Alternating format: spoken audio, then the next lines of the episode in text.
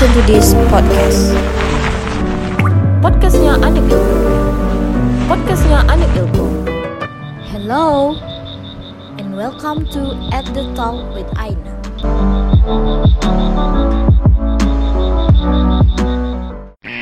At Talk. 3, 2, 1. Assalamualaikum warahmatullahi wabarakatuh. Selamat datang Ilkomers Kembali lagi bersama saya Aina Testiawadian Mahasiswa Ilmu Komunikasi 2018 By the way, ini adalah podcast kedua saya. Nah Ilkomers menurut kalian podcast kali ini akan mengenai apa ya? Ayo tebak.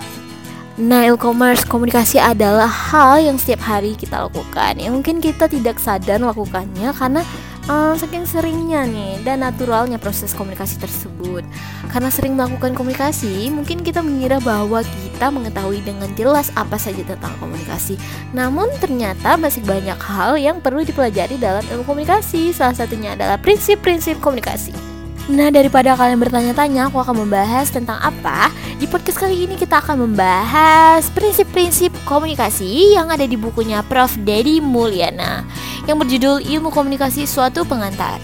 12 prinsip-prinsip komunikasi di sini merupakan ramuan baru yang dibuat oleh beliau yang diilhami oleh pembahasan prinsip-prinsip komunikasi yang sudah dikemukakan sebelumnya oleh pakar ilmu komunikasi dunia. Nah, pembahasan di podcast ini tentu saja dijelaskan dengan bahasa yang lebih sederhana dan contoh yang sederhana pula. Langsung aja, um, prinsip yang pertama yaitu komunikasi adalah proses simbolik. Simbolik di sini artinya lambang atau simbol adalah suatu yang digunakan untuk menunjukkan suatu lainnya berdasarkan kesepakatan bersama. Artinya, apa saja yang bisa dijadikan lambang bergantung pada kesepakatan bersama. Kata-kata, isyarat, anggota tubuh, makanan, tempat tinggal, dan sebagainya. Semua itu bisa saja menjadi lambang. Contohnya saja, makanan uh, makanan saja juga bisa loh bersifat simbolik. Makan pizza contohnya, burger, atau makanan cepat saji lainnya. Yang padahal dari kebanyakan orang bukan karena benar-benar menyukai makanan itu, namun makanan itu di tempat tersebut dapat dirasakan bisa memberi status tertentu. Prinsip yang kedua, setiap perilaku mempunyai potensi komunikasi. Kita tidak dapat tidak berkomunikasi. We cannot not we communicate. Setiap perilaku kita memiliki potensi untuk ditafsirkan, tersenyum ditafsirkan bahagia. Bahkan ketika kita berdiam saja nih, uh, kita tidak luput dari tafsiran orang lain. Orang lain mungkin akan menafsirkan kenapa dia diam, apa dia marah, apa dia tidak peduli, apa dia tidak setuju, dan sebagainya. Prinsip yang ketiga, komunikasi mempunyai dimensi isi dan dimensi hubungan. Dimensi isi di sini adalah apa yang dikatakan. Dimensi ini disampaikan secara verbal dan adapun dimensi hubungan adalah bagaimana cara mengatakannya. Nah, dimensi hubungan ini disampaikan secara nonverbal. Dimensi hubungan mengisyaratkan bagaimana hubungan para peserta komunikasi dan bagaimana seharusnya pesan itu ditafsirkan. Tidak semua orang menyadari bahwa pesan uh, yang sama bisa ditafsirkan berbeda bila disampaikan dengan cara yang berbeda. Sebagai contoh nih, coba dengarkan dan bayangkan menggunakan dua kalimat tidak mengenakan ini. Yang pertama, aku benci kamu. Dan yang kedua, kamu jahat.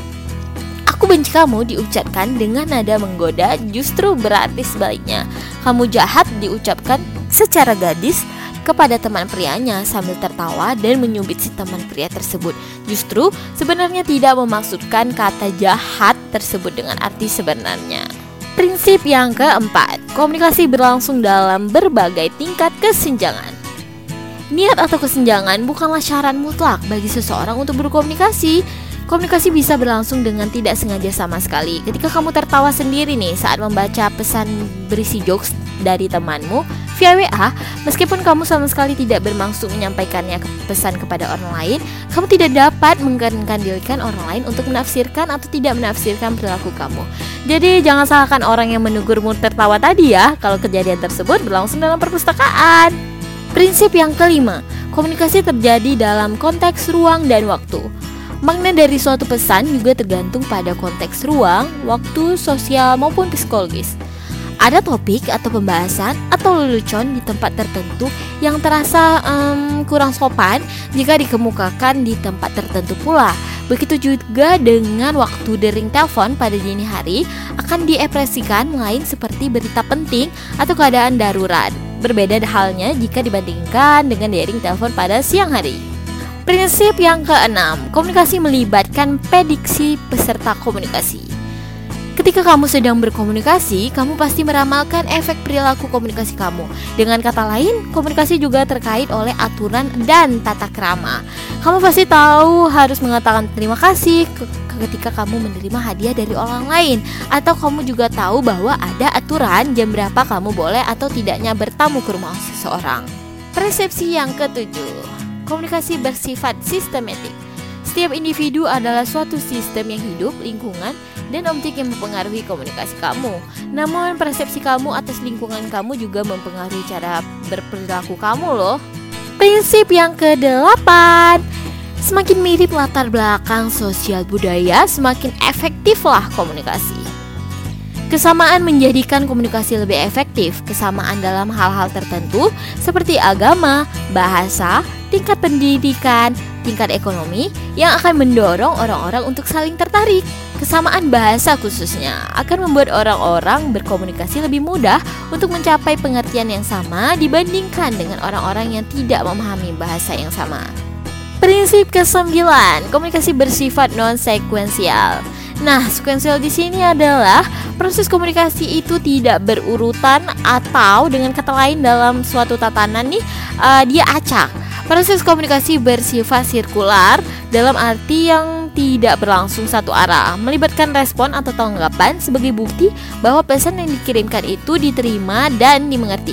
Contohnya nih, Simba menyampaikan idenya kepada Kylie, lalu untuk menyampaikan kepada Simba bahwa ia mengerti, maka ia mengganggu. Begitu dengan Simba yang kembali melanjutkan pembicaraannya karena ia merasa bahwa Kylie sudah cukup dimengerti dengan informasi yang sebelumnya diterangkan. Prinsip ke-10, komunikasi bersifat prosesual, dinamis, dan transaksional. Suatu komunikasi dapat merubah pandangan komunikasi. Contoh, pada awalnya Rani sangat tidak menyukai bisnis makanan. Ia bahkan pernah berjanji tidak akan bergelut di dalamnya. Namun setelah Andi menghabiskan bisnis tersebut, mengadakan proses prospek pada Rani selama 2 jam, pandangan Rani terhadap uh, bisnis makanan bisa berubah drastis. Bahkan Rani bisa menjadi uh, anggota dalam bisnis makanan tersebut dan menjadi anggota yang sangat aktif. Prinsip ke-11, komunikasi bersifat irreversible. Prinsip ini menyadarkan kita harus berhati-hati dalam menyampaikan pesan kepada orang lain. Karena dalam berkomunikasi sekali kamu mengirimkan pesan kamu tidak dapat mengendalikan pengaruh pesan tersebut kepada seseorang apalagi um, menghilangkan efek pesan tersebut.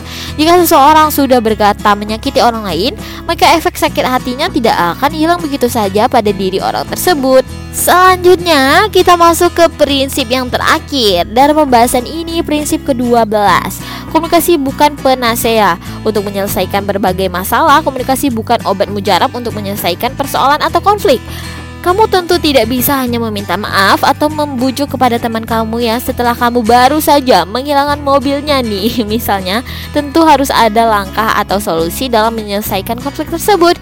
Menggantikan mobilnya dengan mobil yang lebih mahal contohnya E-commerce nggak terasa banget ya. Um, Ternyata udah 12 prinsip komunikasi yang udah kita bahas tadi. Semoga bermanfaat ya. Terima kasih banyak telah mendengar podcast kali ini. Uh, Dan mohon maaf jika banyak kesalahannya. Dan sampai jumpa. Assalamualaikum warahmatullahi wabarakatuh. Listen to this podcast. Podcastnya Anik Ilmu. Podcastnya Anik Ilmu. Hello welcome to At the Talk with Aina.